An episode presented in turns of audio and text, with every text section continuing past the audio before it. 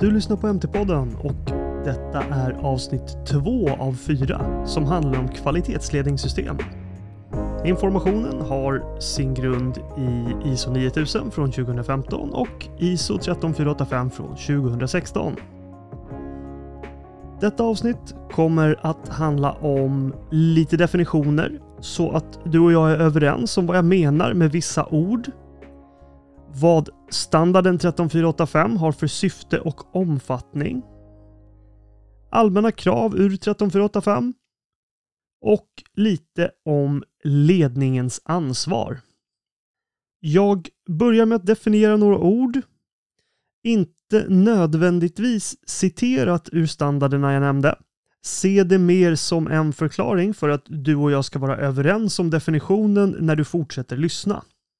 Jag går igenom följande ord i samma ordning. Produkt, inköpt produkt, medvetenhet, kvalitet, effektivitet och verkan. Med produkt menar jag resultatet av en process. Det kan då innebära saker som tjänster, mjukvara, hårdvara och bearbetade material.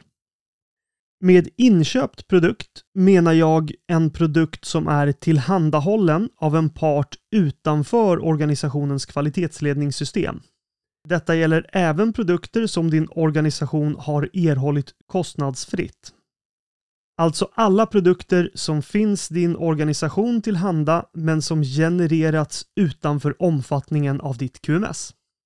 Med medvetenhet menar jag den medvetenhet som uppstår när du som personal förstår ditt ansvar och varför du gör den arbetsuppgift som du gör. Samt hur du och din arbetsuppgift bidrar för att nå organisationens mål. Med kvalitet menar jag hur väl de egenskaper hos din produkt eller tjänst stämmer överens med den nivå som kunden förväntar sig. Denna är viktig att förstå för att komma till slutsatsen att kvaliteten faktiskt kan vara för hög. Det är inte alltid bra att överleverera.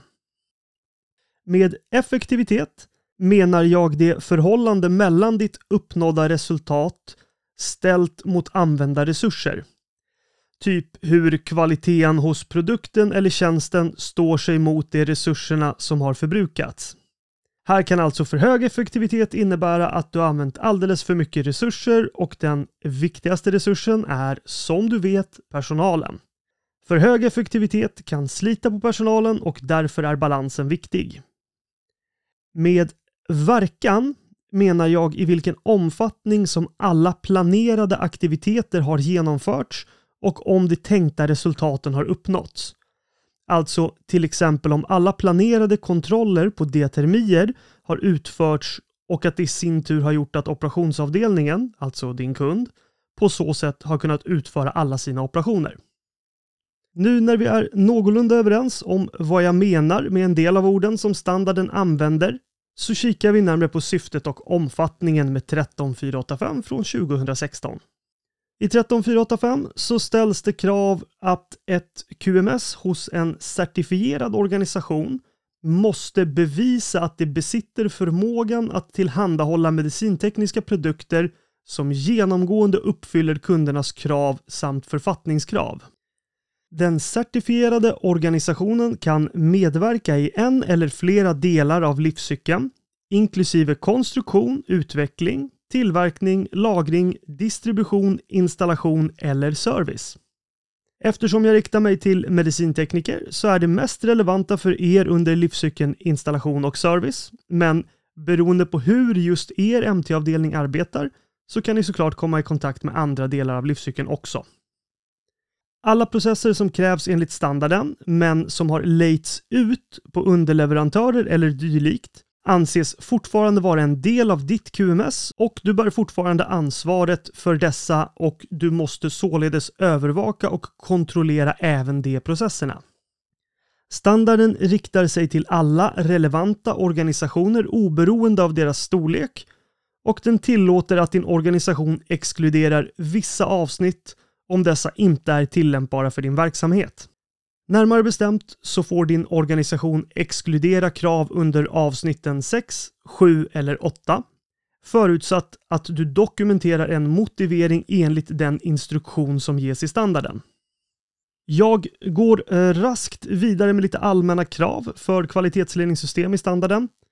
Ditt QMS ska dokumenteras på ett sådant sätt att du kan upprätthålla dess effektivitet enligt de krav som standarden och tillämpliga författningskrav har.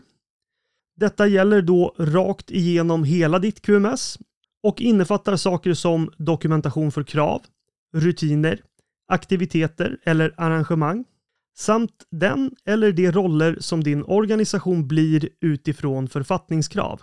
Till exempel tillverkare av medicinteknisk produkt eller annan ekonomisk aktör.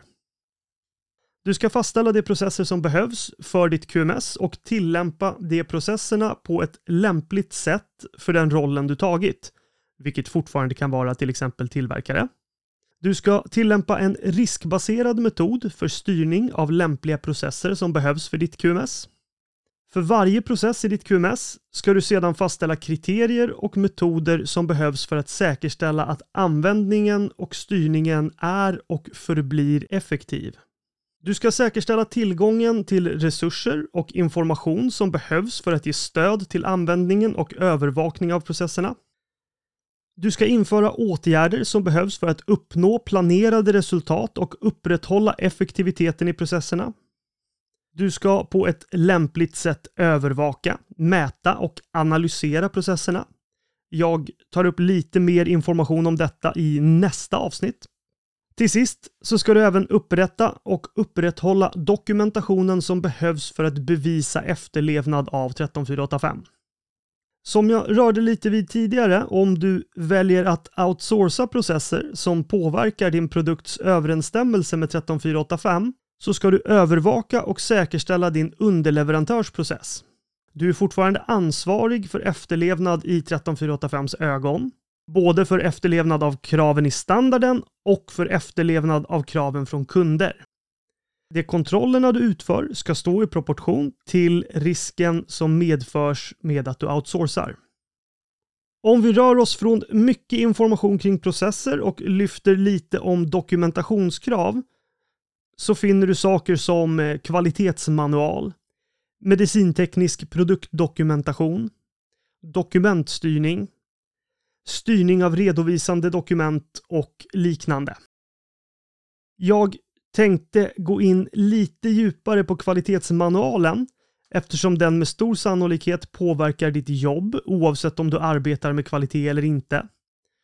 Om den inte påverkar ditt jobb alls så bör du ta ett snack med din kvalitetschef förutsatt att du arbetar under ett certifierat QMS då. För er som precis tänkte, vad är en kvalitetsmanual? Så kan jag meddela att det är fullt möjligt att du faktiskt arbetar efter en kvalitetsmanual utan att riktigt kunna förklara exakt vad det är. Om du fått en fullgod introduktion när du började på en arbetsplats så arbetar du säkert på ett korrekt sätt. En kvalitetsmanual är en specifikation för din organisations QMS. Det är alltså ett dokument med syfte att vägleda personalen i de processer som är en del av ditt QMS. Du som anställd ska kunna guidas i hur du tar dig an dina arbetsuppgifter med hjälp av den informationen du hittar i din kvalitetsmanual. Kvalitetsmanualen ska översiktligt beskriva strukturen på den dokumentationen som används i ditt QMS och den ska innehålla bland annat följande. Omfattningen av ditt QMS, inklusive detaljer och motivering för eventuella utelämnanden eller saker som ej är tillämpbara från 13485 alla de dokumenterade rutinerna som omfattas av ditt QMS, alternativt hänvisningar till dem. Och till sist en beskrivning av samverkan mellan de processer som ditt QMS innefattar. Nu när du förstått vad standarden 13485 syftar till och vad den har för allmänna krav så kollar vi närmare på ledningens ansvar. Eftersom vi inte riktar oss direkt till chefer, då cheferna redan kan allt detta, så kommer jag som vanligt att ta upp det på ett sätt så att du kan förstå vad ledningens ansvar är och samtidigt förstå vad det innebär för dig som medicintekniker. Standarden säger alltså att den högsta ledningen tydligt ska visa engagemang i utvecklingen, tillämpningen och upprätthållandet av effektiviteten i ditt QMS. Detta ska göras genom att bland annat uppfylla följande krav. Ledningen ska klargöra för organisationen vikten av att uppfylla både kunders krav och författningskrav. Ledningen ska upprätta en kvalitetspolicy. Ledningen ska säkerställa att kvalitetsmål är upprättade. Ledningen ska genomföra ledningens genomgångar. Ledningen ska säkerställa att resurser finns tillgängliga. Jag upprepar några av punkterna i listan och bryter ner orden så att det blir lite lättare att förstå i poddformat. Ledningen ska upprätta en kvalitetspolicy. Den kan vara en del av kvalitetsmanualen, men den kan också vara ett separat dokument. En kvalitetspolicy är ett dokument som syftar bland annat till att bevara verkan av ditt QMS. Som du minns från definitionerna så är verkan i vilken omfattning som alla planerade aktiviteter har genomförts och om de tänkta resultaten har uppnåtts. Din kvalitetspolicy måste bland annat innehålla ett åtagande av att bevara den verkan och även ett åtagande av att uppfylla de kraven som finns i ditt QMS. Det ska ges förutsättningar för att upprätta och se över dina kvalitetsmål. Kvalitetspolicyn ska meddelas till och förstås av organisationen. När du läser dokumentet vid din introduktion så är det viktigt att du meddelar din närmsta chef om något är otydligt eller i dina ögon icke applicerbart. I bästa fall så kan du få en förklaring som gör att du förstår hur den är tänkt att påverka ditt praktiska arbete. Och i värsta fall så kanske du till och med hittar något fel. Och nu har du skapat mer jobb för kvalitetschefen och sånt är ju alltid roligt. Din kvalitetspolicy måste också granskas regelbundet för att fortsätta vara lämplig för verksamheten. Ledningen ska säkerställa att kvalitetsmål är upprättade. Ett kvalitetsmål är ett mätbart mål som syftar till att säkerställa att din produkt når upp till din kunds förväntan. För en medicintekniker på en MT-avdelning så är ju produkten service och kunden är den avdelning som du jobbar tillsammans med. Ledningen ansvarar då för att det uttrycks ett antal relevanta kvalitetsmål för din avdelning. Kvalitetsmålen måste som sagt vara mätbara och överensstämma med kvalitetspolicyn. Mycket av den administrationen som du som medicintekniker gör och som kanske kan kännas onödig ibland kan mycket väl vara grunden i hur dessa kvalitetsmål mäts och på så sätt kan bevisas vara uppfyllda. Ledningen ska genomföra ledningens genomgångar. Ledningens genomgång är precis vad det låter som. Ledningen ska regelbundet utvärdera QMS och det ska göras enligt en dokumenterad rutin. Ofta brukar en officiell ledningens genomgång ske kanske en gång per år, men genomgången ska innefatta information från hela året. Ledningen ska bedöma om det finns ett behov av ändring i QMS inklusive kvalitetspolicy och kvalitetsmål samt om det finns möjligheter till förbättring av QMS. -et. Hela genomgången ska självklart dokumenteras och bevaras. Underlaget för genomgången ska innefatta som minst information från följande. Återkoppling och återkoppling innebär då åsikter, kommentarer och andra uttryck från kund som är riktade till den produkt du levererar. Både positiv och negativ sådan. Kom ihåg att produkten fortfarande kan vara en tjänst.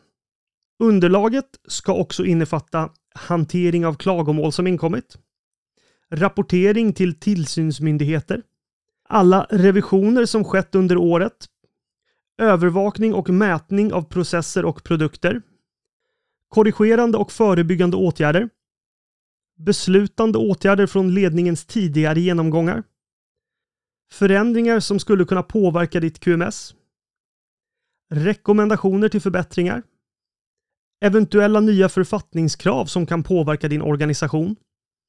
När ledningen har gått igenom allt detta så ska resultatet dokumenteras och bevaras enligt punkt 4.2.5 som mer än siffrorna heter styrning av redovisande dokument i standarden.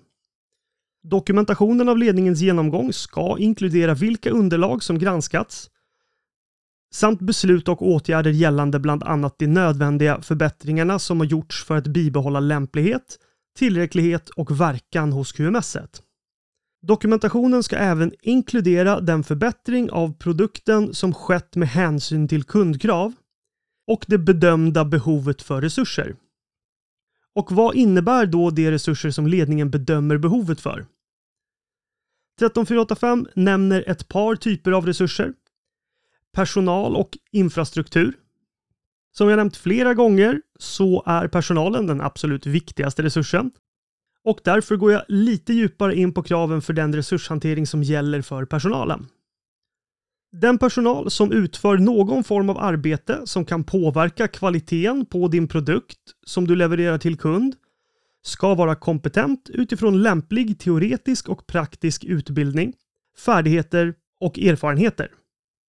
Din organisation ska dokumentera de processer som används för att fastställa att personalen är kompetent.